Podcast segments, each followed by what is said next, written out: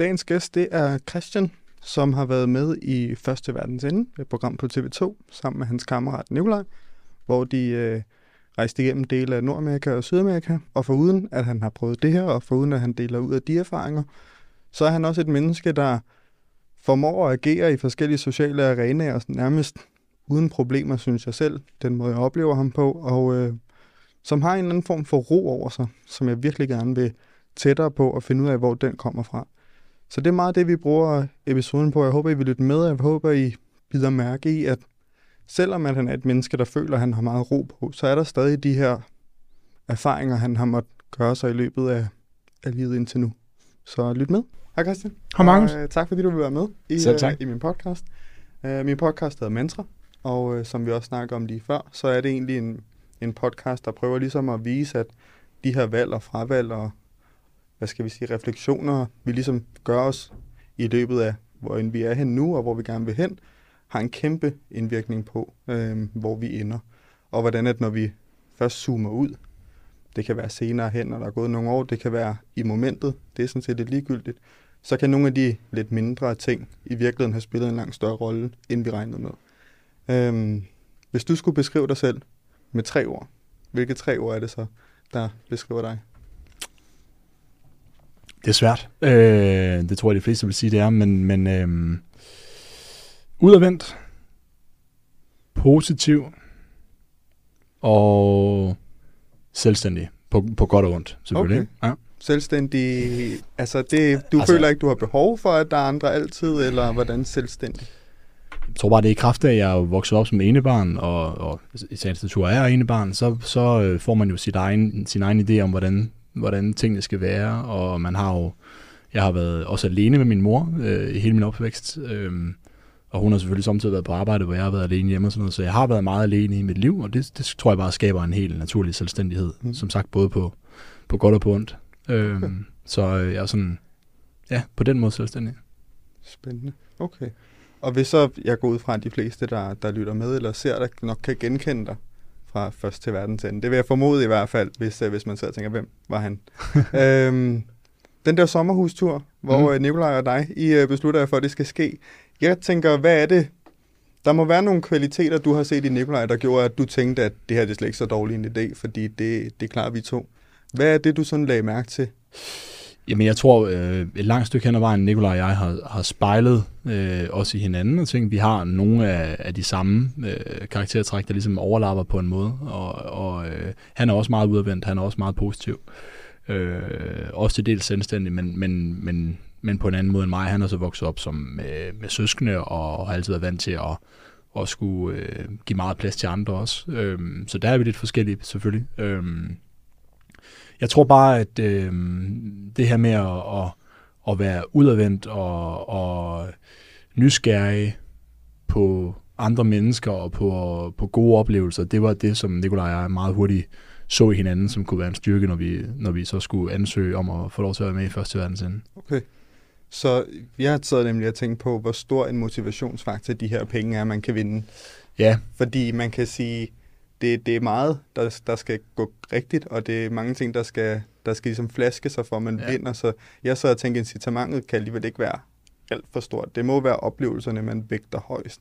Og det er også sådan den følelse, du sad med. Fuldstændig, fuldstændig okay. rigtigt. Øhm, altså Nikolaj og jeg har jo, har jo arbejdet mange år, og er jo ligesom etableret i vores liv og så videre, så selvfølgelig var det en stor pengepræmie, men, men det var ikke, det var ikke ligesom det, der var, der var øh, guleroden. Det, guleroden var mere det at få lov til at rejse på, på den her måde, som man nu er underlagt. Få en, en, en stor oplevelse. Vi skal selvfølgelig ikke betale for rejsen, så det er jo også fedt i sig selv.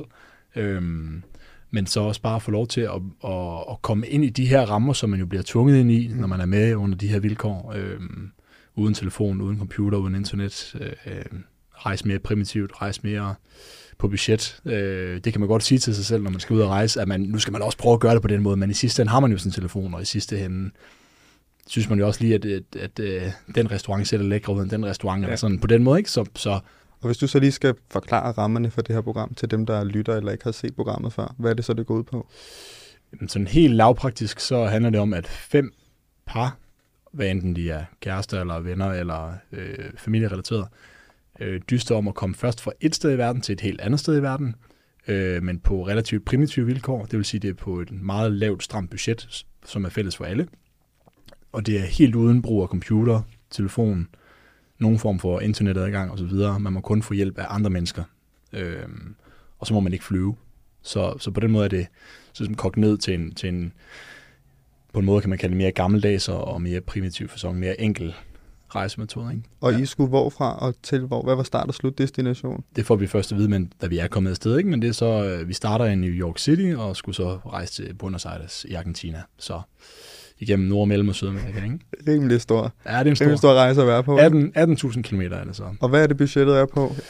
Jamen, det, det, det er på... Man får det ikke at vide inden, men vi ender med at få 26.000. 26.000 øh, til os begge to, ikke? Jo. Så, så Og hvor mange dage er det, det strækker sig over? det, selve rejsen strækker sig over 45 dage, inklusiv 6 gange 2 dages checkpoint. Så selve rejsedagen er 33 dage. Og hvis du så skulle vælge de tre, skal vi kalde det største øjeblikke på den rejse, Mm. er det så nogen, der er blevet vist på tv, eller er det nogen, der foregår, når der ikke har Ja, været det, på? det, det er virkelig et godt spørgsmål, Markus. Øhm, et af de største øjeblikke er, da vi kommer ind som nummer et på, på første, på første øh, checkpoint, i første etape i New Orleans, ikke? Og, og se- ser, at vi er de første, der skriver os i bogen. Fordi det var, det var helt nyt på rejsen. Vi havde ingen fornemmelse af, hvordan det gik. Vi kunne godt mærke, at vi var hurtige, men altså, det føltes hurtigt, men var der andre, der var endnu hurtigere, det vidste vi jo ikke. Og det gav en virkelig en, en fed feel-good følelse, ikke? Øh, jeg tænkte, okay, nu, vi kan det, vi kan godt finde ud af det her i hvert fald. Så det var fedt. Dernæst øh, var det en kæmpe stor oplevelse, og generelt vores, vores jobs, særligt øh, jobbet på den her øh, gadebod med mad i Okay. okay. La Paz, Bolivia, var jeg meget, meget glad for. Der hvor vi har de der røde dragter på, og vi står og råber, hvad vi sælger mad, og, og de lokale have kindkys og så videre. Ikke? Så det var, det var, øh, det var bare, det var sindssygt fedt, for der kom man virkelig ned på jorden. Altså det var, øh, det var, øh, det var så grounded på alle måder en oplevelse, hvor man føler, man er, man, man lige pludselig på seks timer, så var man en del af en hverdag i en sydamerikansk storby, som jo ligger langt under fattigdomsgrænsen, mm. i hvert fald dele af den. Øh, hvor det var så vildt, hvor hurtigt man kan, hvor hurtigt menneske kan, kan vende sig til nye ting, eller kan komme ind i nye rammer, og det var så, det var så autentisk og så, så nært på en eller anden måde. Selvom der er nogen, der optager sig, selvom vi ved godt, det er iscenesat. Øh, tredje største oplevelse, hvis vi sådan skal til enkelte oplevelse, det er måske, det er måske Machu Picchu, kunne jeg forestille mig, i Peru. Mm. Øh, ikke så langt derfra jo. Øh, det var bjergtagende, og det var smukt, og det var roligt, og det var fredeligt, og det var et øjeblik, hvor man glemmer, hvad det er for et kapløb, man er med i, og bare prøver at betragte det, der, det, der er her lige nu. Øhm, Fedt. men ellers så generelt at rejse på den måde, uden at blive distraheret, er, var nok den største oplevelse. Mm. Altså, uden at blive distraheret af alle mulige ting. Øhm, ja, for man kan med hurtigt blive distraheret, og der er mange ting at forholde sig til Ja, hele tiden, ikke? Jo. Kender du selv, tror jeg. Ja. Ja, det tror jeg, at de fleste gør. Ja, præcis. altså, det, der skal sgu ikke meget til, for at dopaminen den hurtigt kan Ej, blive udløst på det den ene eller den anden måde. Det er det, ikke? Det er det. Øhm, men jeg tænker også, der må være en anden form for tilvændingsfase, kan vi kalde det. Fordi nu nævner du selv, at I kommer først til det første checkpoint. Mm. Og der er min umiddelbare tanke, at en af de ting, som, som driver den glæde, det er også, at man vil helst ikke se dum ud. Altså man vil helst ikke tilmelde sig en konkurrence, og så allerede på første omgang være den der, fuck, vi kan ikke finde ud af det her, eller du ved, lignende. Hvad er det for nogle ting, man kommer til at reflektere over, både i forhold til sin egen adfærd, men måske også forventningsafstemme? Hvad, hvad er det for nogle tanker, der går igennem, når man pludselig skifter fra at gå ud fra at være det der konkurrence og passe på med ikke at blive sat dårligt i scene og, og ligne en, der ikke helt kan finde ud af, hvad de laver. Mm. Øhm, hvad er det for nogle tanker, man har? Fordi som du selv siger, på et tidspunkt står du ved en båd i seks timer, føler dig integreret i det her folk, og lige pludselig er du landet i oplevelsen på en helt anden måde. Mm. Mm. Hvad, er der, hvad er der sket? Øh, du tænker sådan tilpasning, altså hvordan det er. Øh, jamen der, der går sindssygt mange tanker igennem. Altså det, jeg tror det allerførste, der går igennem ens hoved er, wow, alt det her det bliver optaget, hvis ikke, hvis ikke på, på billedet, så konstant på lyd. Vi er jo konstant tappet, ikke? Altså, så øh, der er hele tiden to, der kan høre, hvad vi siger. Øh, så, så det det er den første tanke. Wow, altså jeg kommer til at være overvåget selvfølgelig, hvor jeg selv går ind i det øhm, hele tiden. Det er jo en, det er en stor tilvænning. Øhm, og så, øh, som du siger, man vil gerne tage sig godt ud, vise, man kan, man kan godt være med, øh, med i det her. Øh, og så, øh, ja, kan du sætte lidt flere ord på, Markus? Hvad tænker du ellers? Altså, hvad, hvad mener du med det? Hvad for nogle tanker, der... Mm, jeg tænker, at du ved lidt ligesom nu nævner du øh, Machu Picchu. Der mm. er nogle gange, når man, når man lander et sted, det synes jeg i hvert fald selv, når jeg tager på ferie eller lignende, mm. så øh, nu øh, har jeg for eksempel været i Montenegro, mm. så er man et sted, hvor lige pludselig, så er der bare natur, der vil noget. Mm. Og det er som om sådan, det grounder en. Lige pludselig mm. så alt det der udenom, det er ikke så vigtigt. Ah, ja. øhm, der, der sker nogle gange nogle ting, hvor oplevelsen ligesom overstiger, hvad skal vi kalde det, det stressniveau, vi ellers befinder os i, og hvor vi så lige pludselig får lov til at trække vejret.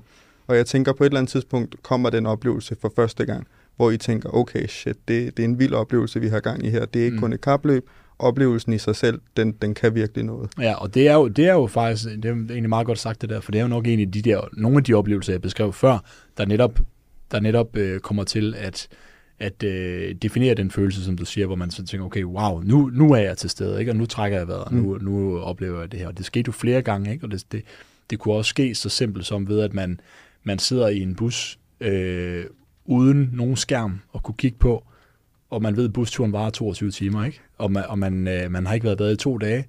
Øh, man, har, øh, man har fire krydderboller øh, og, og to liter vand. Men det er lige meget, fordi så pludselig så får man øje på, på øh, et ældre ægtepar, der sidder og holder i hånd, eller øh, et lille, en lille pige, der leger med hvad ved jeg, to sten, hun har taget med i bussen, eller sådan et eller andet, og hun, hvor, hvor, hvor glade mennesker er, eller man, man opdager nogle, man, man får bare øjnene op for nogle andre ting, end man gør, hvis man lige kunne sidde og øh, distrahere sig selv med en skærm. Ikke? Så, så det, er også, det er også elementer, eller man får øje på et eller andet ud af vinduet, øh, når man kører igennem en by, eller en smuk natur, eller noget, hvor man bare sidder, så pludselig så er der gået en halv time, eller to timer, eller fire timer, man har ikke rigtig vidst det, altså sådan, fordi man, man så bare har været... Øh, fuldstændig optaget af det. Eller tanker på noget, der foregår derhjemme. Man sidder og zoner ud, og man, man, øh, man, man glemmer helt sådan, og ja, man glemmer tid og sted, og man kommer til at tænke på et eller andet derhjemme. Øh, noget vedrørende ens familie, eller vedrørende ens arbejde, eller venner, eller hvad det nu, hvad det nu kunne være, så man ikke bliver taget ud af. Man bliver ikke taget ud af den tanker, for de tanker kan også godt opstå derhjemme, men så er der en telefon, der ringer, eller, en, eller øh, øh næste patient nu er fysioterapeut, eller næste patient kalder, eller hvad ved jeg, ikke? Altså, så, så er der hele tiden ting, der tager en ud af den der boble. Mm-hmm. Øh, og den, øh, den, den, jeg tror helt sikkert, det er sundt for os at være i den, og det, det er måske den aller, aller, aller største øh, oplevelse, og det er også det, jeg er inde på med, at vi bliver tvunget ind i de rammer, og får lov til ikke at kunne blive distraheret hele tiden. Det tror jeg er den største oplevelse, for vi har brug for det. Og der er nogen, der kalder det meditation, og der er mm. nogen, der kalder det mindfulness, og der er nogen, der kalder det bare at være til stede i nuet. Og ja, det går jeg egentlig ikke så meget op i, fordi det, der fungerer for den enkelte, fungerer for den enkelte. Men, men, men jeg tror på, at det er lige at få lov til at lade tankerne få frit spil, uden absolut at skulle have dopamin fixes, eller, eller skulle snakke med nogen, eller svare på en mail, eller at det er rigtig vigtigt for os som mennesker. Og det, det, er, en, det er en kæmpe man vidste godt på forhånd, men det er en kæmpe erfaring at få med fra den her tur. Mm. Er det også et spørgsmål om forventninger? For det har jeg også tænkt på, sådan, at man i virkeligheden så forsvinder mange forventninger. Så hvis du befinder dig i dine egne rammer, så har du ligesom også nogle ting, du skal forholde dig til. Der er du en bestemt type Christian, og der er nogle mennesker, der har nogle forventninger til dig og den anden vej rundt. Og jeg forestiller mig, når så man er i de rammer, en af de ting, der jo forsvinder, det er forventningerne. Forventningen er, at du skal sidde i den her bus i 22 timer. Der er ikke nogen, der sidder og tænker, at du skal noget vildt, fordi du kan ikke gå nogen steder hen jeg tænker også, det må også være altså på mange måder en, en befrielse i forhold til at være med sine tanker, at nu, lige nu er du bare dig og Nikolaj, og, og det er helt okay. Fuldstændig rigtigt, Markus. Altså det er, det er essentielt for, for den her oplevelse, at øh, meget på forventninger, så herhjemme, man kan tale om, om det er forventninger, jeg har til mig selv, eller forventninger, jeg tror, andre har til mig. Uanset hvad, så kan det godt være noget, jeg koger op i mig selv. Ikke? Om jeg selv forventer det af mig, eller jeg tror, at andre forventer af mig, at nu skal jeg også ringe eller skrive, eller sørge for snart at komme forbi. Og det pres er virkelig, virkelig rart at, at, at komme af med en gang imellem. Ikke? Øhm, der er mange ting, man gerne vil leve op til, øh, hvad end det er udefra kommende forventninger, eller ens egne forventninger. Og, øh, og derover så vidste alle herhjemme, at jeg, jeg ville være ukontaktbar, om jeg så lige var med til et program, eller jeg var på retreat, eller hvad jeg var. Det var ikke alle, der vidste det. Men, men alle vidste, at jeg, jeg, de, skulle ikke, de kunne ikke forvente noget af mig lige nu, fordi jeg var afsted på en eller anden måde, hvor jeg ikke havde min telefon eller computer, så, så det var rigtig, rigtig rart. Øhm, og så at være afsted på, på en bustur i 22 timer, så du kan ikke andet end bare sidde der altså, og, og, og snakke med Nikolaj, hvilket var super hyggeligt, og vi får jo også nogle snakke ud af det, som, som, øh, som vi måske ikke nødvendigvis havde fået, hvis ikke vi var under de rammer, som vi var. Jeg kunne også forestille mig, og nu det er jo bare mig, der tænker, at to personer, som i virkeligheden har ret meget selvstændighed, der lige pludselig sidder sammen og får lov til at dele nogle tanker og lignende. Altså, der, der må også ske et eller andet der. I stedet for, at man sidder alene og har de her tanker om de forventninger, eller hvad end det må være, at man ligesom kan være to, som ellers normalvis vil have det fint med bare sine egne tanker og forventninger og lignende, som kan sidde og afspejle sig lidt i hinanden, må også have givet et tættere bånd, forestiller jeg mig, mellem, mellem Nikolaj og dig. Helt klart. Øhm, ja, Nikolaj og jeg er enige om, at vi, vi nok ikke som sådan føler, at vi er kommet tættere, fordi vi, vi var enormt tætte inden, og, og fortsætter bare med at være det undervejs, fordi vi ikke vi, vi skubbede os ikke fra hinanden, og, og vi er det stadigvæk.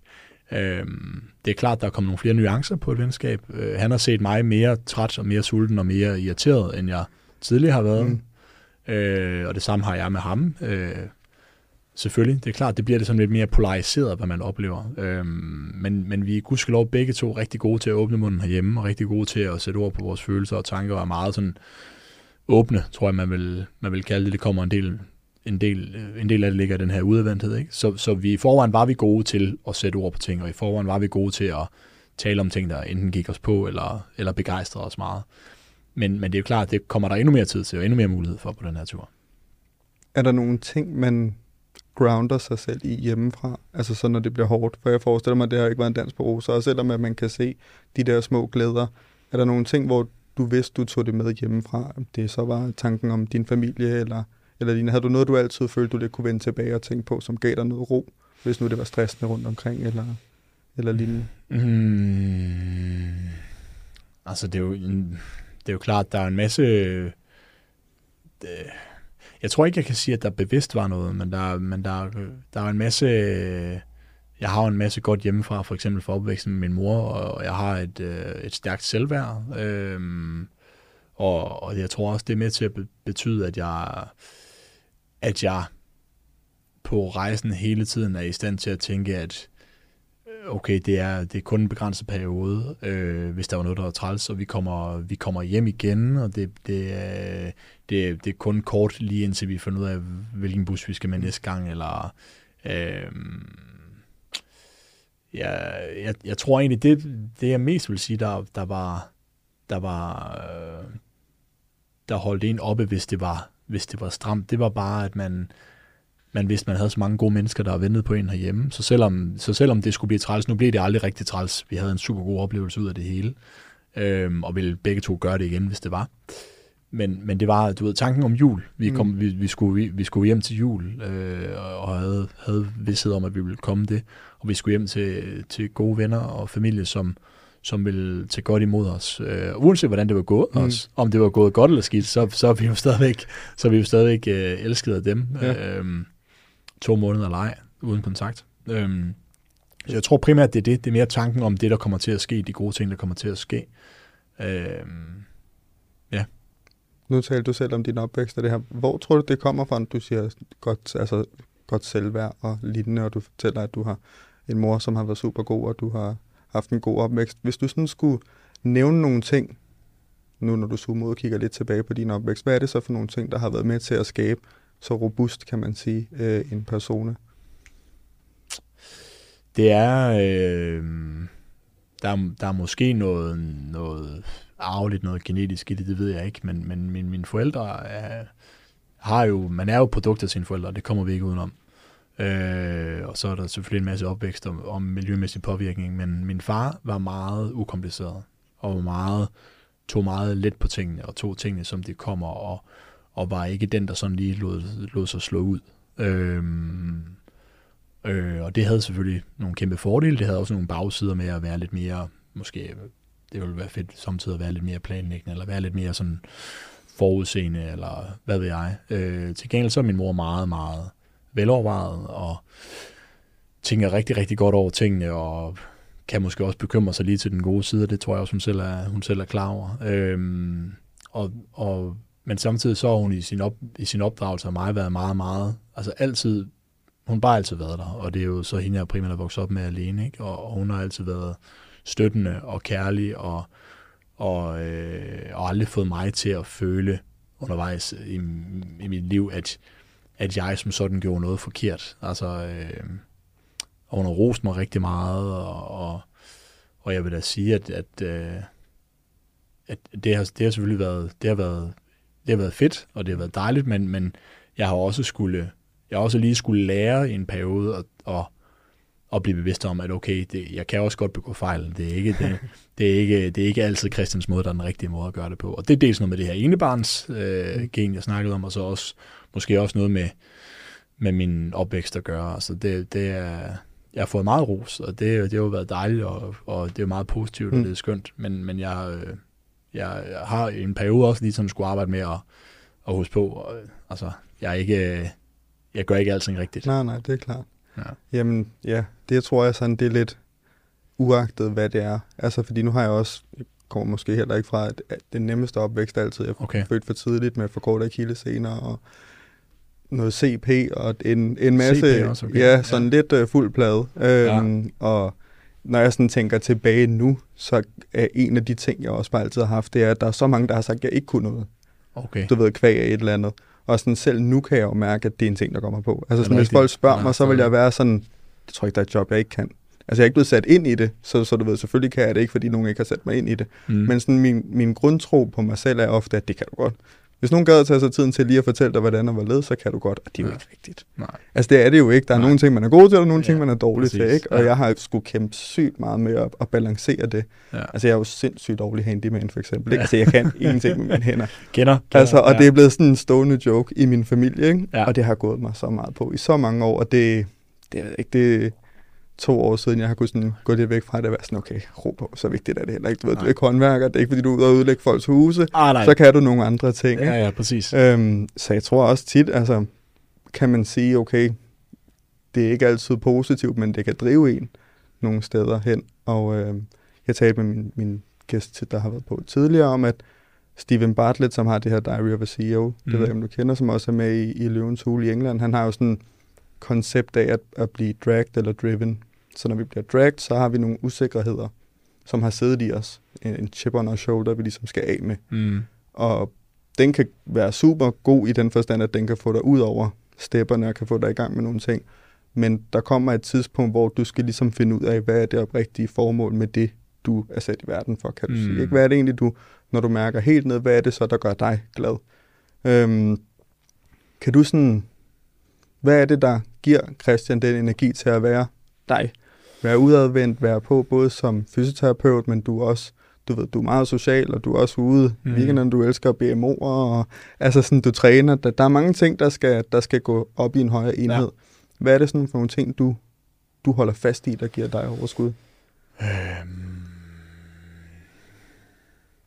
jeg, jeg tror, øh, hvad jeg holder fast i, er, at jeg, at jeg må godt, jeg, jeg kan godt have de overfladiske ting i mit liv, som at gå i byen, eller, eller øh, øh, hvad vil jeg, lave overfladiske ting, som at pff, spille Playstation hele aften, eller du ved, sådan noget, som, hvor man tænker, hvad, hvad får jeg egentlig ud af det her på længere sigt, hvis jeg, øh, hvis jeg også samtidig har de ting, som, som giver mening, som hvis jeg sørger for at, øh, at bruge tid med min familie, hvis jeg sørger for at øh, være en god kæreste, hvis jeg sørger for at øh, og være fokuseret, når jeg er på arbejde, så, så, øh, så, så har jeg mere ro i at gøre det hele. Så jeg vil, øh, som du selv siger, jeg, jeg tror, jeg, jeg, jeg når mange ting, og jeg laver mange ting i mit liv, men det er, det, der, der skal være en eller anden form for balance i det. Ikke? Altså, øh, hvis jeg har, tidligere, hvis jeg har været i byen tre weekender i træk, og jeg, jeg ikke har fået, øh,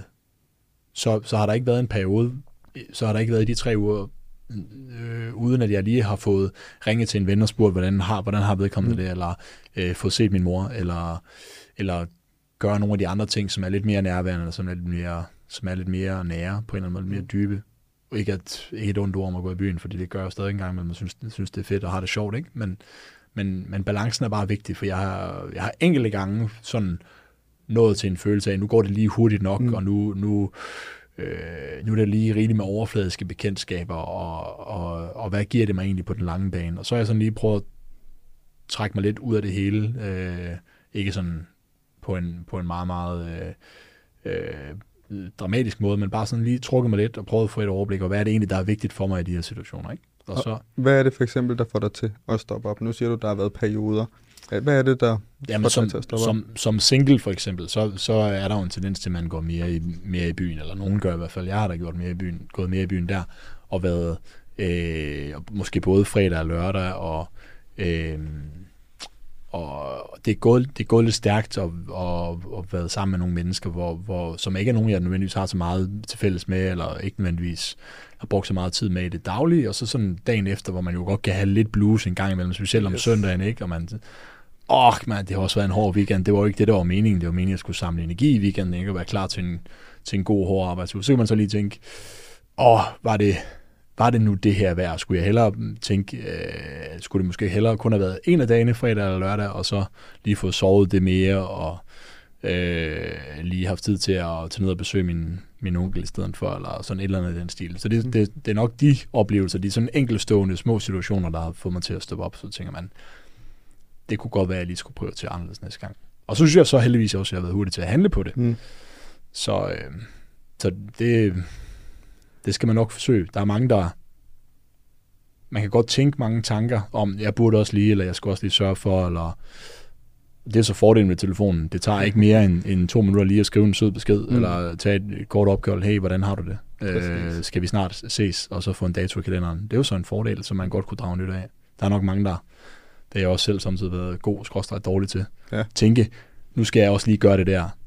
Hvor jeg så er begyndt, i stedet for så snart jeg får tanken, så tage telefonen og så skrive, hey, hvordan går det? Skal vi snart have en dato i kalender, så vi lige kan få en god snak og en god kaffe eller et eller andet? Men det er også det, altså, jeg synes er vigtigt at få sagt, det er, at der er ting, man gør, som giver en energi. Og jeg synes, at så længe man sørger for at opretholde de ting, man ved giver overskud, så kan du godt skære ud en dag, nærmest uanset hvad du har lyst til at lave om, så du har lyst til at sidde og spille FIFA en hel dag, eller gå i byen, eller hvad det er. Det vigtige er at finde den her balance, fordi altså, det har man brug for. Og, og der er altid nogle ting, der, der er hægtet på forskellige situationer. Det giver en ting at tage ud og spise en BMO. Det giver en anden ting at tage ned og træne. Det giver en tredje ting at være på arbejde og være god. Så sådan, det her samsurium af, af følelser skal jo, skal jo eksistere på samme tid, for at vi kan være, går jeg ud fra, synes jeg selv, øh, den bedste øh, person, vi kan være. Ikke? Fuldstændig. Øhm, hvilke mål har du? For nu har jeg fulgt med på Instagram ret længe efterhånden. Det er øh, måde, jo. Ja. Og du er jo lidt rundt omkring, lidt hister her, lidt en øh, kameleon, kalder jeg det for. Ja. Altså både socialt, men også sådan lidt, du er lidt over det hele. Mm. Altså til der kan se det, så er der jo Bjørn Borg over det hele, ja, det har du jo simpelthen altså, genoplevet for mig. Ej, det altså det, det vil jeg bare sige. Det er så, øhm, så det, det tager du nogle billeder af, der er noget Rules Boxing Club, du ja, er i gang i, og igen, så er der besøg på diverse øh, BMO-steder i ja, Aarhus, og, ja. og så har du også Bitten og du er også fysioterapeut, og du er også ude ved stranden med din familie. Sådan, hvad, hvad er det for nogle mål, du har for dit liv? Jeg, øh, ja, det er helt lavpraktisk, vil jeg bare gerne have det godt. Jeg vil bare gerne være, være glad. Jeg vil gerne gå i seng om aftenen og tænke, det her det var, det har været en god dag, og sådan en vil jeg have en mere af i morgen. Øhm, jeg, øh, jeg tror egentlig bare, at jeg har et, et, et mål om, at jeg at jeg skal være glad der, der hvor jeg er, og forsøge ikke at, og, øhm, at overtænke tingene alt for meget. Øhm, samtidig kan jeg godt tænke, at jeg burde gøre noget mere arbejdsmæssigt. Øh, jeg burde være måske lidt mere karriereorienteret. Øhm, og, og kan også godt tænke, at det, det vil jeg gerne, men, men øh, du snakker om at drag og driven før, ikke? Altså det, jeg har på en eller anden måde ikke helt den drivkraft, så det må åbenbart ikke være til lige at starte noget op selv, eller hvad det er. Det er der jo nogen, der har, under, ligesom dig. Ikke? Øhm, der, der, øh, jeg kunne godt tænke mig, jeg kunne godt tænke mig, som Nikolaj Øret har haft en god snak med sin far om. Hans far siger, at, øh, at øh, hvor mange mennesker ligger på sit dødsleje og tænker, jeg burde, jeg burde have arbejdet noget mere. Og det er nok måske ikke så mange, der gør det, kunne jeg forestille mig. Ikke? Øh, så, så bare sørg for, at der er en god... Mit mål er at sørge for, at der er en god balance i, imellem arbejde og venner og familie, og have det sjovt, og, og øh, også have tid til eftertanke, og samtidig lige stoppe op og, og mærke efter, om man er det sted, man, mm. man, man skal være og har lyst til at være.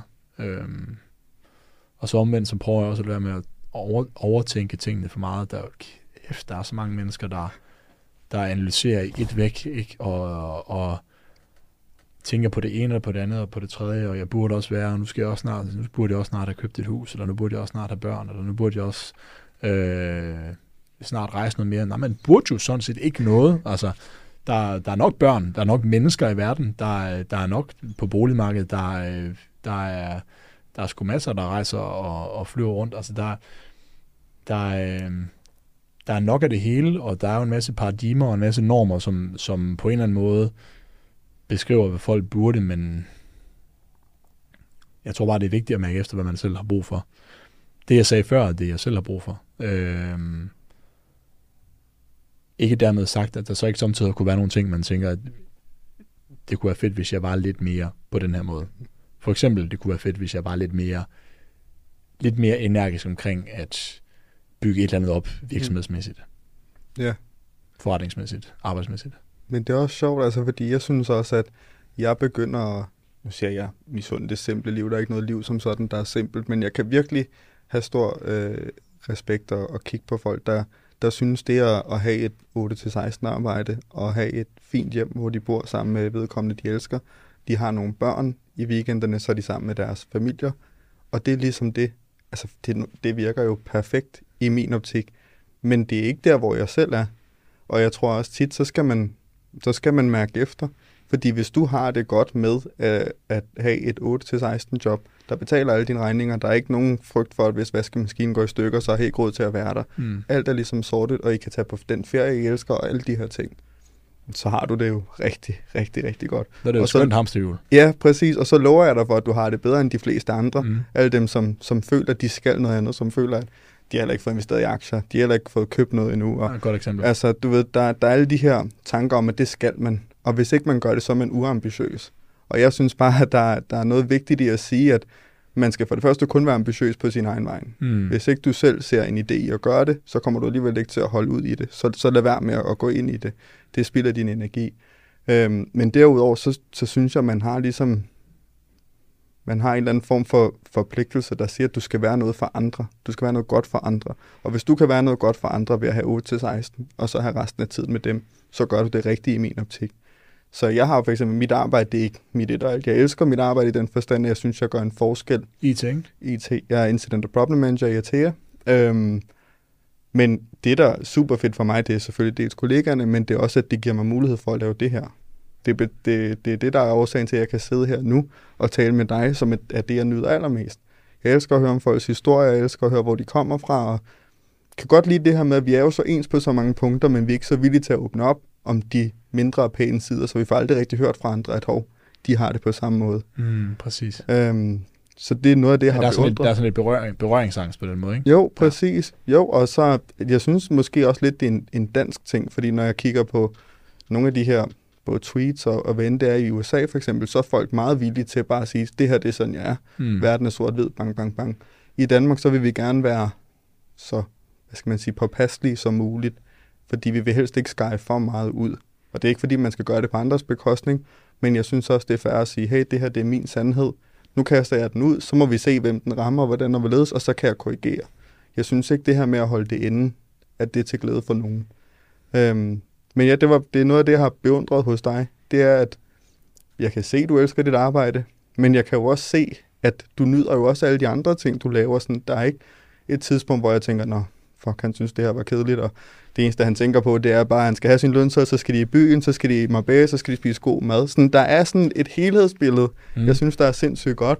Nu har du lige været ude at rejse, mm. for eksempel. Mm. Øhm, og altså, det er jo bare good vibes. Jeg sidder her hjemme i semikold Danmark efterhånden og tænker, det er sådan en ferie, jeg skal på. Ja. Altså, hvorfor er der ikke lige nogen, der lige øh, siger, Markus, ja. det gør vi nu. Ja. Hvordan har du sikret dig og omringet dig med, med personer, der, der ligesom også har den tankegang, eller i hvert fald bringer det frem i dig? Hvad, hvad kommer det af? Det kommer af at være god til at vide, hvad du kan forvente af folk. Øh, hver i mit arbejde har jeg jo jeg har jo mødt rigtig, rigtig mange mennesker som, som fysioterapeut. Jeg har været fysioterapeut i 10 år. Øhm, og, øh, og møder om mm, i snit 15, 16, 17 forskellige mennesker i løbet af en arbejdsdag. Ikke? Så det bliver til nogle mennesker, øh, og det lærer man også. Så lærer man også nogle mønstre hos forskellige mennesker at kende, og jeg har altid, altid haft med mange mennesker at gøre. Jeg har flyttet rigtig meget som barn. Vi er flyttet, jeg har flyttet skole, min mor øh, har flyttet hus nogle gange. Øh, så jeg også sådan ofte skulle starte i nye klasser, og sådan hurtigt skulle danne mig et overblik over, hvor kunne jeg potentielt have, min, have nogle nye venner, eller nogen, der, der ville mig det øh, på samme måde, som jeg vil dem. Ikke? Øhm, så jeg tror bare sådan, det her med at, der er det en fordel at være udadvendt, fordi der, der eller være ekstrovert, hvis vi skal bruge det, det, det, det er nok mere korrekte ord. Øhm, fordi man møder en masse mennesker, man bliver klogere på, hvad enkelte mennesker står for, hvad det er for nogle mønstre, der, der opstår, optræder hos forskellige, og hvilket der går bedre i spænd med en selv end andre. Øhm, og så lærer man også den vej igennem at finde ud af, hvilke mennesker, der kan honorere de krav, som man som man selv har brug for. Man taler om kærlighedssprog ved en partner, men man kan også tale måske bare om venskabssprog. Hvad har man selv brug for i en relation, som ikke nødvendigvis er, er, er øh, et parforhold? Øhm, og hvis man gradvist bliver klogere på det, så, så, så ved man jo også, hvem man skal bruge mere tid mm. sammen med, og hvem man skal bruge mindre tid sammen med, og hvem man kun går i byen med, og hvem man også ringer sammen med øh, kl. 15.30 om søndagen, øh, når man har brug for at gå en tur, eller få en snak, eller høre, hvordan ugen har været, mm. eller øh, hvem der også er der, når man brækker benet, eller hvad ved jeg, ikke? Altså, ja. det, at man, der er nogen, man har tættere på helt naturligt, og, og så er der andre, man, man har i sagens natur lidt mere afstand til. Mm, hvis de giver, hvis, hvis folk giver lige så meget energi, som man selv, som man selv ligger i noget, så er det jo en, et godt pejlemærke for, om det er mennesker, man skal omgås. Og og jeg synes, jeg har en meget øh, bred omgangskreds, en meget varieret omgangskreds, og jeg kan synes lige så godt om dem, jeg laver det med, som jeg kan om dem, jeg laver noget andet med. Mm. Men, men, øh, men hver ting til sin tid, og, og hvis, man, hvis man har en fornemmelse af, hvad de forskellige mennesker kan, så bliver man heller ikke skuffet. Mm. Og, og jeg synes, der er en, der er en træls tendens til rundt om træls et ord, vi bruger i Jylland. Det betyder, at... Det kan alt. Jamen, det kan alt. At det ikke er blevet sat ind i, hvad skal vi kalde det, sproget herovre på Djævlø, det fatter jeg ikke. Nej. Altså, der er hygge, og så er der træls. Og det er to ord, de fungerer altid. De fungerer altid. De fungerer altid. Og jeg glad. Så skal jeg ikke oversætte Markus. Nej, nej. nej. Dejligt. Folk må selv, hvis ikke de ved, hvad træls betyder, så er det på deres bekostning. Det, ja, det vil jeg sige. Godt at høre, godt at høre. Ja, så bruger vi det. Øh, men der er en træls tendens til, at folk de sådan... Øh, øh, trash talker, altså sådan, så kan man godt lide, ah, så var jeg sammen med det og det menneske, hvor det egentlig lyder til, at det, de har lavet, har, har været hyggeligt, men og de egentlig har haft det godt med samværet, men så er det alligevel efterfølgende noget lidt negativt ved mm. samværet eller ved mennesket, der fylder på en eller anden måde, og man ser så to dage senere, så er de sammen, det er jo så også noget sociale medier kan, ikke? så er vedkommende sammen med, med den omtalte person igen, mm. og man sådan tænker, øh, enten skal du blive klogere på, hvad du forventer af relationen, eller også så skal du blive bedre til at tale hvis der er noget, du, du er træt af, eller også så skal du finde nogle andre mennesker at ja. være sammen med og omgive dig med. Øhm, ja. den, den, del, den, den del synes jeg kan være lidt irriterende og lidt, sådan lidt frustrerende at vidne til. Øhm, det er faktisk det er, også øh, ja, noget, jeg vil snakke om i dag. Det er det her med, at jeg synes, det er vigtigt at, at fortælle, hvad kraften er i at sætte grænser. Mm. Og, og det, der er ikke noget negativt i at sætte en grænse, men hvis du ved, hvad din grænse er, og det kan være både i forhold til familie, men også din omgangskreds, så er du også nemmere ved at navigere, når nogen træder ved siden af. Og det igen, det er lige så meget forventningsafstemning, men jeg synes, at der er en tendens til at være for stor en frygt for at sætte grænser. Dels fordi vi er bange for, at folk synes, vi er højrøde, eller synes, vi er blevet idioter, eller har ændret os, og dels fordi vi ikke vil træde nogen over tæerne. Men det er, det er bare sådan, at man har nogle forventninger til de relationer, man har, og hvis jeg finder ud af, at du, hvad skal vi sige, jeg føler, at vi to har en tæt relation, men når så er du sammen med nogle andre, så får du det virkelig til at lyde som om, det betyder måske ikke helt så meget. Mm. Men så synes jeg også, at jeg har et ansvar for at trække mig. Så, mm. så synes jeg ikke, at jeg skal sidde og sige, så er du også en idiot, så må du på et eller andet tidspunkt tage dig sammen og sige det. Mm. Så kan jeg godt bare trække mig, uden at der er mere i det ja, end ja. det. Ja. Øhm, og der synes jeg igen, kvæg sociale medier, og man er måske bange for at blive lidt udstillet, at det gør man ikke så meget. Mm. Og jeg, jeg tror, at jeg kunne forestille mig, at det er nok også en af de forser, du så har haft i dit måde ligesom at vælge omgangskreds på. At jeg har været god til at sætte grænser, tænker Ja, og det er jo ikke, fordi man fysisk skal sætte grænser, ah, eller noget, man har bare en idé inde i hovedet, der siger, hey, det er det her, jeg har forventning, og det er det, jeg giver. Ja. giver den her vej, så forventer jeg det samme tilbage, og jeg accepterer måske heller ikke bestemt adfærd. Ja. Ikke?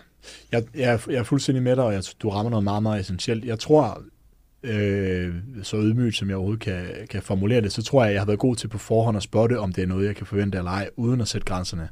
Fordi lige nøjagtigt det med at sætte grænser er ikke noget, jeg har været forfærdelig god til hele mit liv. Jeg har, øh, jeg har været en kæmpe øh, behager, vil gerne have, at alle har det godt i et selskab, og prøver meget sådan hurtigt at fornemme et lokale, er folk positive, øh, eller er der en, der sidder lidt for knyt, og, og så videre, og, og det har været, øh, det, har været, det husker jeg meget fra folkeskoletiden, og så videre, det er noget, jeg ligesom har, har, har fornemmet meget, så jeg fornemmer rigtig meget stemninger og følelser hos folk. Øhm, men, men, øh, men så har jeg altid selv søgt at være positiv, og det betyder, at jeg faktisk har haft svært ved at sige nej, og hvis folk har været vant til, at jeg gør noget, så forventer de også automatisk, at plejer, øh, er positiv og vil fortsætte med at gøre det. Men, men i kraft af, eller ikke i kraft af, men i takt med i mit liv, at der er flere og flere ting, jeg skal og vil, og har lyst til, at man bliver voksen, og der er, der er mange steder at nå rundt til, så har jeg samtidig haft mindre overskud, og, og, øh, og jeg er kommet i nogle situationer, hvor jeg bliver passiv-aggressiv, eller har, er, har været passiv-aggressiv. Jeg har det stadigvæk noget i mig, og det er jo nok noget, jeg skal kæmpe med altid, men, men prøve at blive klogere på, hvornår er det noget er nok for mig, hvornår, øh, hvornår har jeg brug for at sige, det lyder som en rigtig god idé. Det er jo noget, en psykolog lærer mig. I stedet for altid at sige ja, så skal jeg lære at sige, øh, det lyder som en rigtig god idé. Må jeg ikke lige tænke over det og vende tilbage på det øh, i morgen, eller på mandag, eller eller andet. Kæft, det lyder som en god idé. Mm. Vær positiv, som jeg altid er, eller plejer at være, men lige få, købe mig selv tiden til lige at tænke, er, er, det reelt, er det reelt noget, jeg kan overskue det her? Er det reelt noget, jeg har brug for? Øh, fordi hvis jeg siger nej, så tager det ikke noget for mig som person. Og det, det er måske, apropos nu sagde jeg, jeg, jeg tror, jeg har et stærkt selvværd, men, men måske lige der kunne jeg godt samtidig tænke tidligere, at hvis jeg sagde nej til noget, så vil folk tænke mindre om mig, fordi de er vant til, at jeg ikke siger nej. De er vant til, at jeg er positiv. Ja. Kan ja, du følge mig? Ja, helt sikkert, ja. og jeg tror da også, det er noget af det, som, som nok mange, i hvert fald ekstroverte, kan, kan genkende til. Ja, fordi du har en eller anden tendens til ligesom at bringe energien ind i rummet, og sørge for ligesom at samle, og sørge for at være på. Hvis du så, hvad skal man sige, øh, skærer ud fra det, eller en lidt anden del af det, jamen, så bliver der lagt mærke til det. Mm. Og der er jo ikke noget negativt øh, hæftet med det. Det er, jo, det er jo bare sådan, det er nogle gange. Alle har et, en, en kvote af overskud, ikke? eller energi. Præcis, ja, lige præcis. Øhm, jo, og så det, som, som jeg selv er begyndt på, det er det her med, at man er ligesom nødt til så at gøre handlingen om og om igen. Der skal ligesom være så meget evidens, der, der mod dig selv siger, det kan du sagtens. Og lige så snart den evidens er stor nok, så bliver det ikke længere et problem. Jeg tænker for eksempel i det her tilfælde med at sige, må jeg lige vende tilbage i morgen? Første gang du vendte tilbage dagen efter og sagde, nej, det går nok ikke, så havde du det nok stadig okay træls over at sige, sige nej, fordi hvad hvis man går glip af noget, eller whatever, ja. hvad hvis de ser anderledes på en. FOMO, ikke? En anden ting, vi også ja, skal omkring. Ja, præcis. øhm, hvor jeg tænker, at der kommer så nok et tidspunkt, hvor da du så siger nej, så har du det sikkert fint med det. Øhm, og det tror jeg bare, der er mange, der skal huske på, at, at det ofte rigtig træls i starten, når vi skal lave ændringer. Og det bliver det nok ved med at være, indtil vi har gjort det nok gange til, at det bliver bare et selvfølge, at, at det er noget, jeg ikke vil gå på kompromis med. Øhm, så, så jeg tror, man skal, man skal prøve ligesom at distancere sig selv og, og sin måske usikkerhed fra den nye handling eller lignende, man prøver at komme igennem med. Fordi det kommer til at tage tid, men lige pludselig så lander det øh, et sted. Jeg har lige nu aktivt, jeg øver mig i at sige undskyld, når jeg har taget fejl. Jeg har sådan ja. zoomet ud og så tænkt, du er god til at sige, det er sådan her, tingene er. Bang, bang, jeg ved det her, det her, det her. Når så folk modbeviser dig det, så bliver du egentlig bare lidt såret og usikker. Så går du lidt væk, du kan godt lige sige, hmm, hmm, hmm. Du er ikke så god til at sige til vedkommende, hey, jeg tog fejl, det er jeg ked af.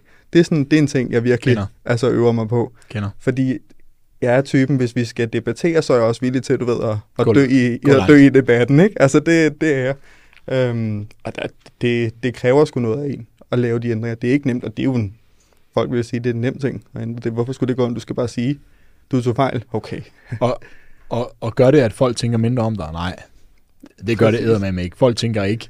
Folk vidste jo i forvejen godt, du ikke havde ret. Præcis. Så at, det er jo ligesom afdebatteret, ikke? Og, og at du så til med kan erkende, at du tog fejl, og lige sige, undskyld, jeg var så, undskyld, jeg var så skråsikker, og måske begynde at vrisse en lille smule, mm. eller lige blive, øh, stod der og var så, stod så stejl på det det er jo bare endnu federe. Fordi så tænker jeg, om fedt, så kan vi jo godt tage en debat igen en anden gang. Altså, Præcis. i stedet for, at man klapper lidt i, eller trækker sig lidt, ej, ham der, han er umulig at diskutere med. Det kan jeg øh, altså, totalt relatere til, at jeg selv været i det samme. Også fordi, I det at samme? jeg, kan, jeg kan jo mærke, at når jeg bliver udfordret på noget, jeg er dybt uenig med, det er jo også der, hvor jeg selv bliver tvunget til at tænke anderledes om det, jeg tænker på. Også selvom jeg ved, jeg har ret. Mm. Hvis nogen præsenterer mig med en idé, jeg godt ved, i gåsøjne er forkert, så kommer jeg stadig til at tænke, hvorfor er det det her, det er rigtigt, og hvorfor tænker de sådan her? Mm. En af de, øh, nu arbejder jeg på et kontor, ikke? kontorfællesskab, Mm. en af de ting, som altid er oppe i et kontorfællesskab, fordi der altid er kage og alt muligt andet, det er, hvad federe, hvad federe, ikke? Hvad kan man tabe sig med at slankekur? Og jeg har sådan rimelig lige til holdning, det er kalorier ind, kalorier ud. Vi kan manipulere med, hvordan vi gør det, det kan vi gøre på forskellige vis. Tror jeg, Og så kommer der bare sådan en ind fra siden ved, keto, Ja, det er den eneste vej. Ja, det er Du, du kan eneste, ikke gøre det er fordi, det der sker, er, at du forbrænder Ja, kun fedt. Ja, lige Det er så vanvittigt ja, ja, godt, det fungerer. Du lugter af helvedes ud af munden de første par dage, men så bliver det rigtig fedt. Hvor det sådan, Få mere energi og alt det der, ikke? Altså, det og det er, sådan, det er fedt, det virker øh, for dig, og jeg er rigtig glad for, at det, at det fungerer. Øhm, og der, der kunne jeg da mærke, at det fik mig til at tænke, nå okay, hmm, de tænker sådan her, vi snakker sådan her. Hvorfor tænker vedkommende sådan? Der er der, det har nok ikke virket med andre Det det. metoder, de er måske blevet præsenteret for andre metoder. Du ved sådan, jeg kan godt lide at blive udfordret mm. af folk, som tænker helt anderledes end mig. Mm. Øhm, Går du, så, går du så ind i debatten? Det er lidt interessant, fordi jeg, kan, jeg, jeg hører mange ting rundt omkring, hvor jeg, hvor jeg føler mig overbevist om, at det er lodret forkert. Eller, eller hvor jeg tænker, "Nå, men det siger du kun, fordi du har oplevet den og den, den, den dårlige hændelse med det, så nu er du, nu du, nu er du ejet af det, eller såret af det. Men i virkeligheden, så kunne det være, hvis du gjorde det og det, i stedet for, at du så ville få nogle positive oplevelser. Eller sådan. Hvor jeg så vælger egentlig at trække mig, fordi jeg tænker, nej, vedkommende er så dybt i det, at det giver ikke mening at indgå i debatten. Mm. Hvor jeg godt samtidig kan være i tvivl om det egentlig, og man, og man burde, man kan jo gøre det på forskellige måder. Man kan jo godt Ja. ja. gøre det på en forstående måde. Og man burde gå lidt ind i det her. Altså fordi, sådan en, der kommer og siger, keto er det eneste, der virker. Kunne man jo sige til, måske det eneste, der virker for dig, og det er jo fedt, det virker for dig. Så længe du får dine vitaminer, mineraler og makronæringsstoffer, så, så fred være med det. ja, ja. Det er da fedt, fordi ja, ja, præcis. det er ikke forkert jo, du, så længe du har sundheden med. Mm. Og hvornår du spiser, det ved vi, det er ligegyldigt, og, og, øh, og så videre. Øhm, Ja, altså jeg tror, at, at det, det, forskellen er, at der var en gang, hvor jeg fik boostet mit ego af at være ham, der diskuterede. ja, Altså sådan, det var jeg helt klar over, og øh, det er fordi, at tror jeg, hvis vi skal snakke director driven, jeg har haft en usikkerhed om ikke at vide noget, jeg vil blive præsenteret for. Så jeg har altid prøvet sådan at sætte mig ind i tilsyneladende ikke så vigtige ting, men som jeg vidste var relevant i forhold til den sammenhæng, jeg befandt mig i, fordi hvis så nogen nogensinde skulle spørge mig om noget, så var jeg klædt på. Så blev det sådan en ego-ting for mig, ligesom at sige, hey, parat sådan, ting. ja, lige præcis. Er du god uh, bedsteviser og Trivial Pursuit og sådan noget? Den der? rimelig, vi, skal, rimelig, vi skal have en dyst en dag. er rimelig okay, ikke? øhm, og så blev det jo sådan en ego-boost, hvor at, at lige præcis som du selv siger nu, jeg tænker meget over den relation, jeg har til vedkommende, der siger tingene. Mm. Fordi jeg synes, hvis ikke min relation er god nok, hvorfor skal de så lytte på mig? Sådan synes jeg, det gælder for ja. De fleste ting. Jeg skal have en eller anden form for indgangsvinkel, og så skal jeg tænke over mine formuleringer. Jeg skal heller ikke være skråsikker, når vi befinder os i den her slags, fordi jeg kan godt have en holdning til keto, men som du selv siger, hvis livsstilen passer mm. ind Mhm. i det, hvis du mm. Får alle de næringsstoffer, du skal have, så skal du da bare gå amok. Så sådan, det, det er også et sted, tror jeg, hvor jeg har ændret mig vildt meget. Ikke? Altså, det er ja. Ja. en diametral modsætning til, hvordan jeg gik ind i en samtale Ja. tidligere, når jeg tænker tilbage. Jeg forstår. Jeg synes, det er svært, fordi der, der er, øh, jeg, igen, jeg taler med mange mennesker i løbet af en dag, og, så, og der er mange forskellige overbevisninger om forskellige ting. Og hvornår skal man tænke, fred være med det? Det fungerer jo for vedkommende. Øh, og hvornår skal man tænke, Ej, det, det kunne vi måske godt prøve lige at have en lille debat om, for det kunne være, at vi kunne nå til lidt mere enighed, eller vi kunne, at vi kunne få, øh, hvad skal vi sige, øh, øh, øh, male den her sandhed til jorden, fordi den ikke er en sandhed, eller hvad ved jeg, ikke? Så Ja. det, det kan være lidt svært. Ja, der er også tidspunkter, hvor jeg synes, det er ret lige tilforstået på den måde, at for eksempel øh, aspartam, da den kom på, øh, ja. På listen. Så er der et studie, der bakker det op, ikke? Jo, Altså, og, og så var det også for at sige, at okay, hey, nu bliver du nervøs over det her. Mm. Må jeg bare lige fortælle dig, hvordan listen fungerer? mm, For, fordi det er ikke verdens undergang, og du skal ikke sidde og tænke, du ikke må indtage det ligesom alt muligt andet. Selvfølgelig må du godt det. Alt er i, i moderate mængder mm. I, i, i den forstand. Der synes jeg, det er nemt. Ja. Fordi der er sådan lidt, at det er ikke mig nej, og min holdning, der, der Nej, kommer på spil det er her. i. det, det er noget, der bare er faktum. Øhm, men jeg tror bare, at, at det, jeg selv oplever i, i det her samfund, vi ligesom har, har bygget op og er i gang med at, at bygge videre på, det er, at vi, vi begynder at tillægge vores egne følelser rigtig høj værdi kontra hvad der er faktum. Mm. At tit så bliver mine følelser lidt vigtigere end hvad faktum er. Mm. At så kan jeg godt blive mødt med, at altså, aspartam er ikke sundhedsskadeligt, det ligger på listen sådan og sådan, det gør rødt kød også, og det er fordi sådan og sådan og sådan. Og så kan nogen sige, jamen det føler jeg ikke, for jeg føler, når jeg øh, drikker det her, så får jeg det dårligt. Ja. Og det er sådan, så kommer vi ikke så meget videre, hvis Nej, dine følelser er det, der præcis. skal diktere, hvad der er Fordi- rigtigt og forkert. Fordi følelser er svære at, at sige noget til. Ja. Ja. Ja. Ja, og det kan du ikke afholde folk fra at have. Nej. Altså, så, så, Men jeg kan sagtens følge dig i det her med, hvis det ikke er noget, der som sådan direkte har med dig at gøre. Jeg gør det jo på mit arbejde. Jeg har i mange år skulle sige, at der overhovedet ikke er nogen form for videnskabelig evidens for, at udstrækning hjælper på ømhed dagen efter. Hmm. Øh, så du behøver ikke gøre det, medmindre du gerne vil være mere smidig, så skal du bare gøre det rigtig, rigtig meget, for at det flytter noget smidighedsmæssigt. Øh, eller scanningssvar og prolapser. og Der er alle mulige ting i mit fag, og der, der har jeg jo ligesom en eller anden sådan faglig forpligtelse til at sige, nu skal vi prøve at, at bare øh, aflive nogle af de myter, der er, og prøve Mm. måske i hvert fald få dem lidt mere ned på jorden og, og, og belyse det fra en anden side. Så, præcis. så der er det lettere.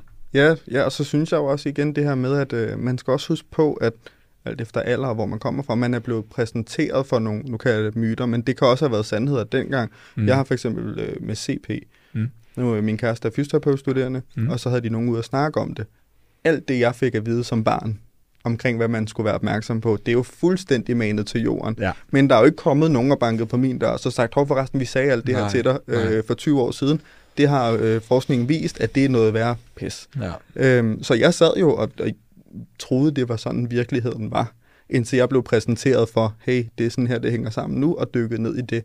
Så jeg tror også, når vi har de her snakke, så er det vigtigt at huske på, at jamen, hvad, hvad er det, jeg husker det fra? Hvad er det, det er baseret på? Fordi hvis det er baseret på noget for lang tid siden, eller noget, jeg ikke lige har fået tjekket op på, altså det er dynamisk, når vi snakker forskning og videnskab, og det, som vi prædiker i dag, er ikke nødvendigvis det, vi prædiker i morgen.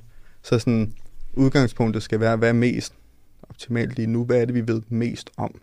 Øhm, Ja. Så, så ja, det er ligesom det, jeg også bruger som Ja, forstår. Men altså, jeg var mindblown med det der CP.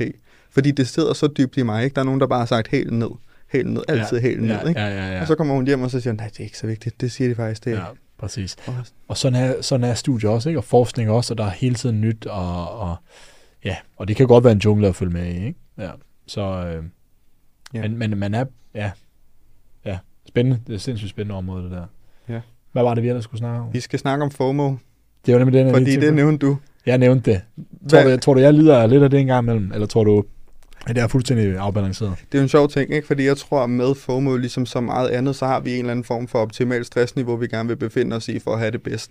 Og det kan så være kvæg øh, de aktiviteter, vi laver, og den fart, der er på, men det kan også være den respons, vi får. Og øh, en ting er at tage ud og spille paddle med vennerne, det er fedt, og så kan man tage i byen bagefter, det jada, det. Vi får jo også bare noget fra sociale medier. For vi kan godt lide, at folk anerkender, at det liv, vi lever, er spændende. Og, og jeg tror bare, at det er en svær følelse at komme væk fra, for hvorfor vil man det? Øhm, så, så tit med FOMO, så synes jeg måske i virkeligheden, det handler meget om, at jeg vil også bare gerne lige bekræftes i, at du også synes, det liv, jeg lever, er ret fedt. Mm. Fordi tænk, hvis det ikke var. Tænk, hvis det var det modsatte. Øhm, så nej, jeg tror ikke, at du lider på den måde af FOMO, men jeg tror bare, at, at det, det er sgu meget nice at dele de her oplevelser og vise, at hey, jeg synes, jeg laver noget nice. Dem, jeg render rundt sammen med, synes, jeg laver noget nice. Og jeg kan også mærke, at responsen tilbage er, at det er ret nice. Ikke? Mm. Øhm, synes du selv det? Konkret til det, du siger der, hvad er så forskellen på det, øh, du beskriver, jeg gør der, og så øh, se mig-kulturen? Mm. Der er jo, der er jo, Se der, mig-kulturen er ikke behængt på nødvendigvis aktiviteten eller det øh, input, man kan sige, du lægger i det. Så jeg kan godt bare gå hen og tage et billede af en Ferrari, fordi jeg gerne vil have, at nogen skal synes, det er fedt, jeg er en Ferrari. Mm. Jeg kan også godt tage et billede af en Ferrari og lægge op, fordi hey, jeg var ude og køre med nogen, og det var sindssygt fed oplevelse for mig, det har betydet meget. Mm. I sidste ende, så tror jeg, det handler om, hvad er det for et input-output, du får af det, du gør. mm, Fordi hvis det er baseret på øh, det ydre, hvis det er baseret på, at du gerne vil have, at folk tænker det her om dig, og ikke er, er så meget i synk med den, du er som person, så tror jeg alligevel, det krakelerer på et tidspunkt.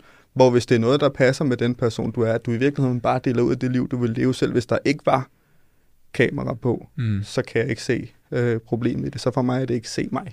interessant. Øh. I sidste uge var jo, som du ved, i Marbella eller Puerto Banús, ikke? og der, er- der hersker en se mig-kultur, det ved jeg ikke, om du er klar over, Puerto Banús Ja. er, er, øh, er vist nok en af de allerdyreste byer øh, på hele Costa del Sol, den, den sydlige spanske kyst. Ikke? Og der er Lamborghini og Bentley og øh, AMG-biler øh, overalt.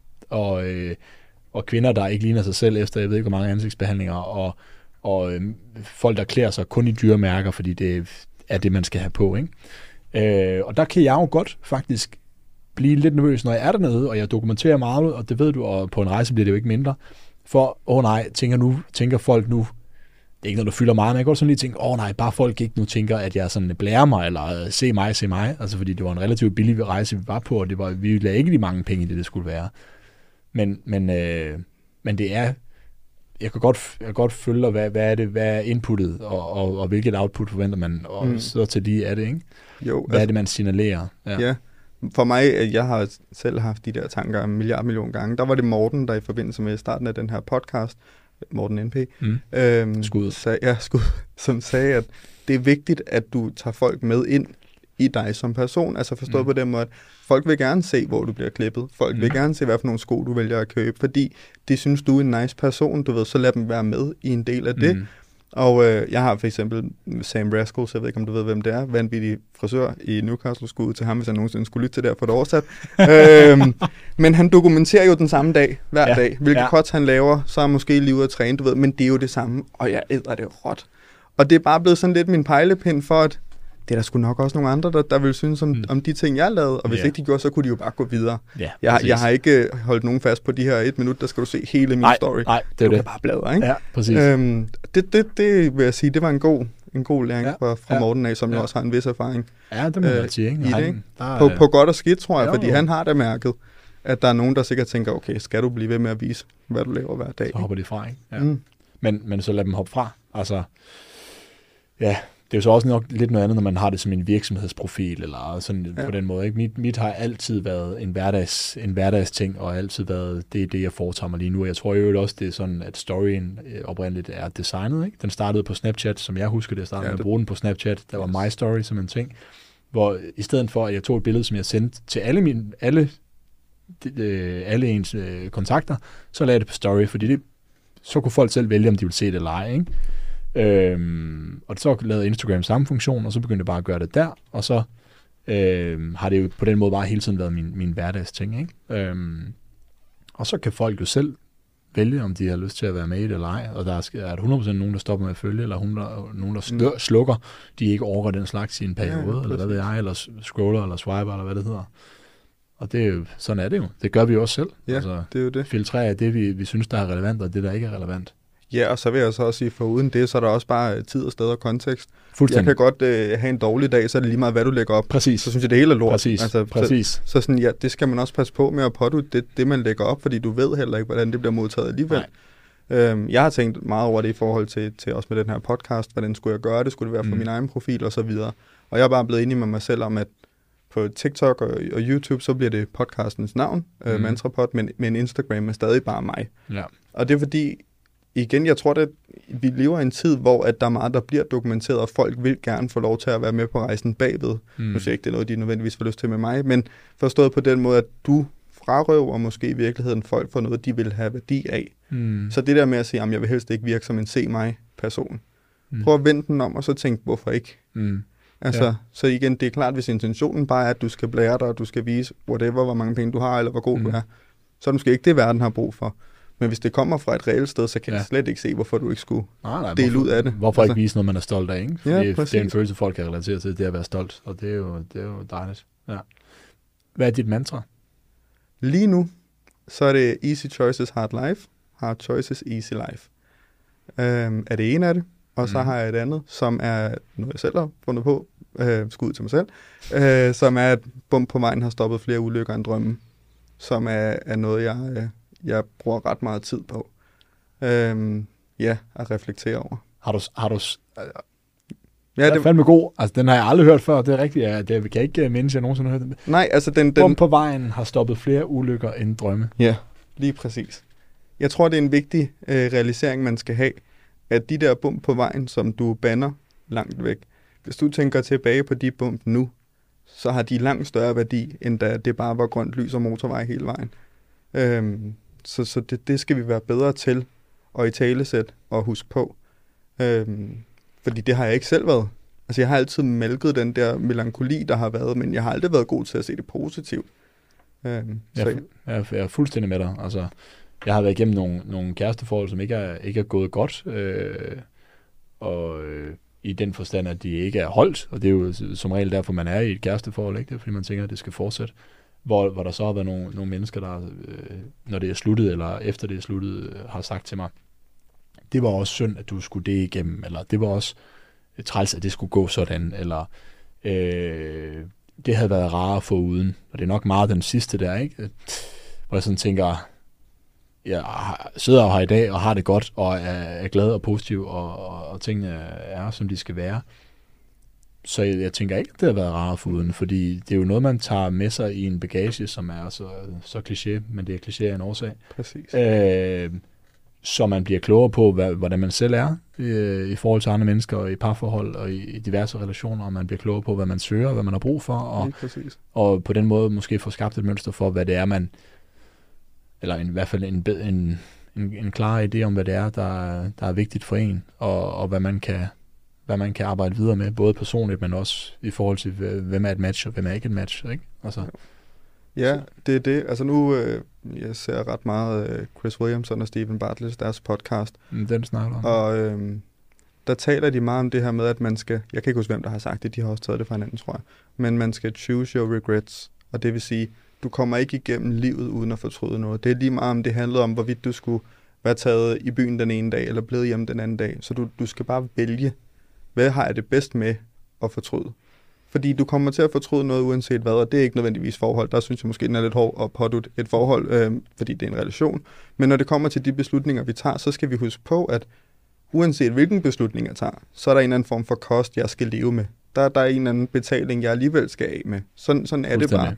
Øhm, og desto bedre man bliver til at navigere i, hvad, hvad jeg er villig til at gå glip af, desto hurtigere tror jeg, man ender der, hvor man gerne vil være. Ikke? Og det kræver bare de her bump på vejen.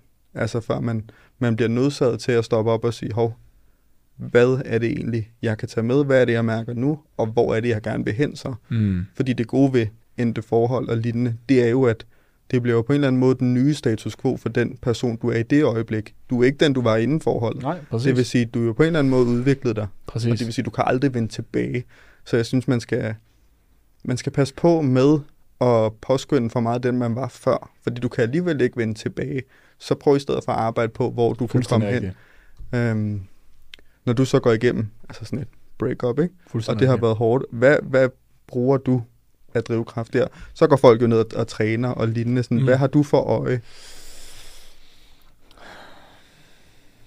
Ja, men det er, jo, det er jo klart, der har jo også været noget bekræftelse i det, ikke? Altså som du siger, så går folk ned og træner, eller så går de lidt mere i byen, eller så går de, bliver de lidt mere aktive på sociale medier. Der, kortvarigt, øh, når noget er gået skævt, så tror jeg, at mange kan genkende til, at man har brug for en eller anden form for anerkendelse af, at man, man stadigvæk er øh, et menneske, som, som øh, på en eller anden måde er vældig af, af, af nogle andre, eller folk godt kan lide, eller øh, folk synes er pænt, eller folk synes er, er, er, er ordentligt, eller hvad ved jeg. Ikke? Øh, så, så selvfølgelig har der, er der jo elementer af det, det kan jeg ikke sige mig fri for. Øhm, men du spurgte mig om, hvad jeg, hvad jeg bruger. Hvad, ja, sådan, hvad, hvad er så din, kan vi kalde det, nordstjerne, ja. når du rammer bunden? Det behøver ikke at være endte forhold, det kan være alt muligt, men hvad er det så, du husker på, eller tillægger mest værdi i virkeligheden?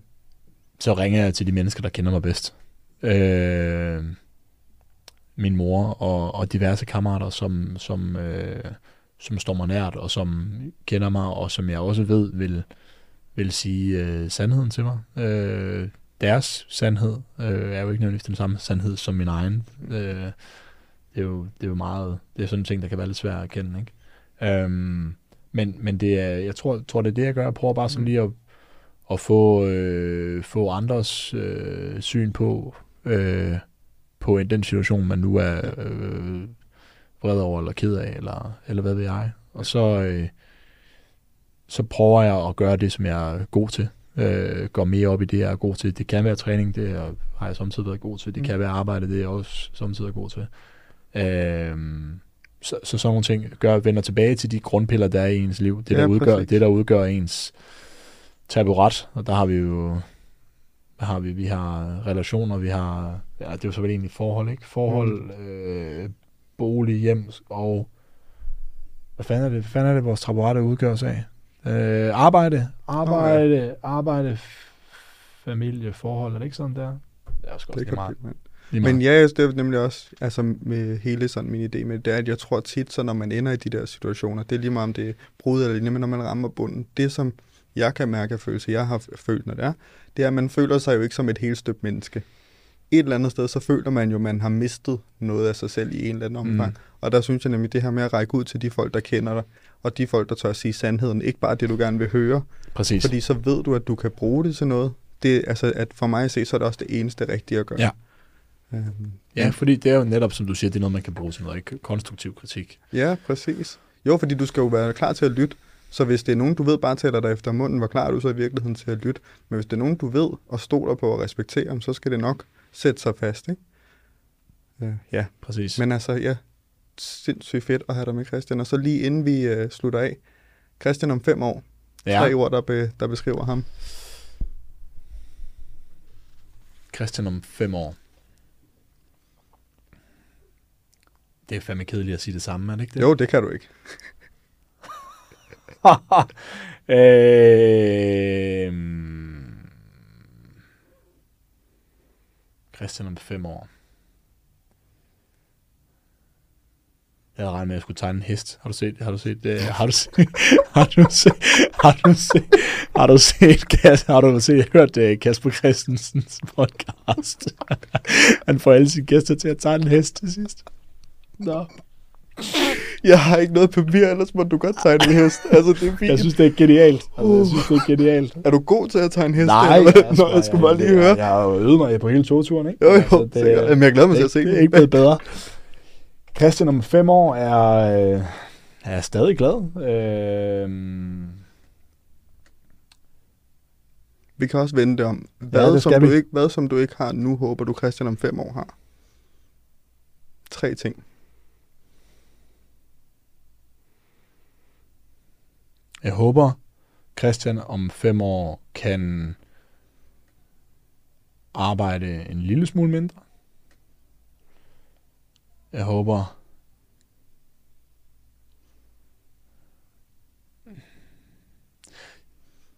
jeg har fandme svært ved at finde ud af, om jeg håber, jeg har børn om fem år. Det ved jeg ikke helt. Hmm.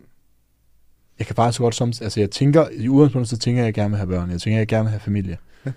Men om det, lige, om det er om fem år, det, det, det ved jeg ikke måske. Øh, og så håber jeg, at jeg,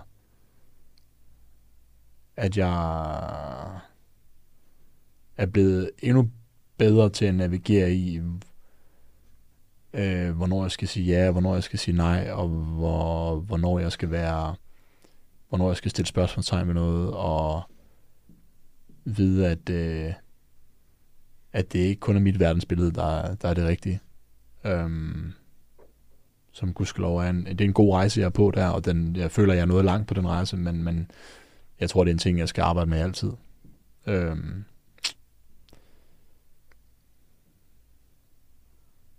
Men det er også kedeligt at sige, Markus, men jeg føler egentlig, jeg, jeg synes, synes egentlig, jeg har det godt nu, så jeg håber egentlig, Godt. jeg fortsætter med at have det godt, Mm. og om fem år også, ikke? og fortsætter med at have det på samme måde, og jeg håber, jeg fortsætter med at, at have en balance i at, at arbejde og se min familie, og, og opleve noget af verden, og samtidig være nærværende over for de mennesker, jeg er sammen med, fordi det kan jo godt, når man har travlt med gode ting, så så kan frygten for mig selv være samtidig, at man ikke er helt nærværende nok i den enkelte situation. Hmm.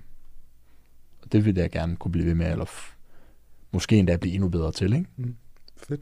Jeg håber, du vil være med igen på et tidspunkt, og så øh, Om fem år, eller? Fem år, det er måske lige med at tage et papir med, ikke, så du kan tegne en hest, og så kan folk få lov til at se, hvordan Perfekt. det ser ud. Perfekt, Markus. Tak, Selvfølgelig jeg det. Selv tak. Fornøjelse.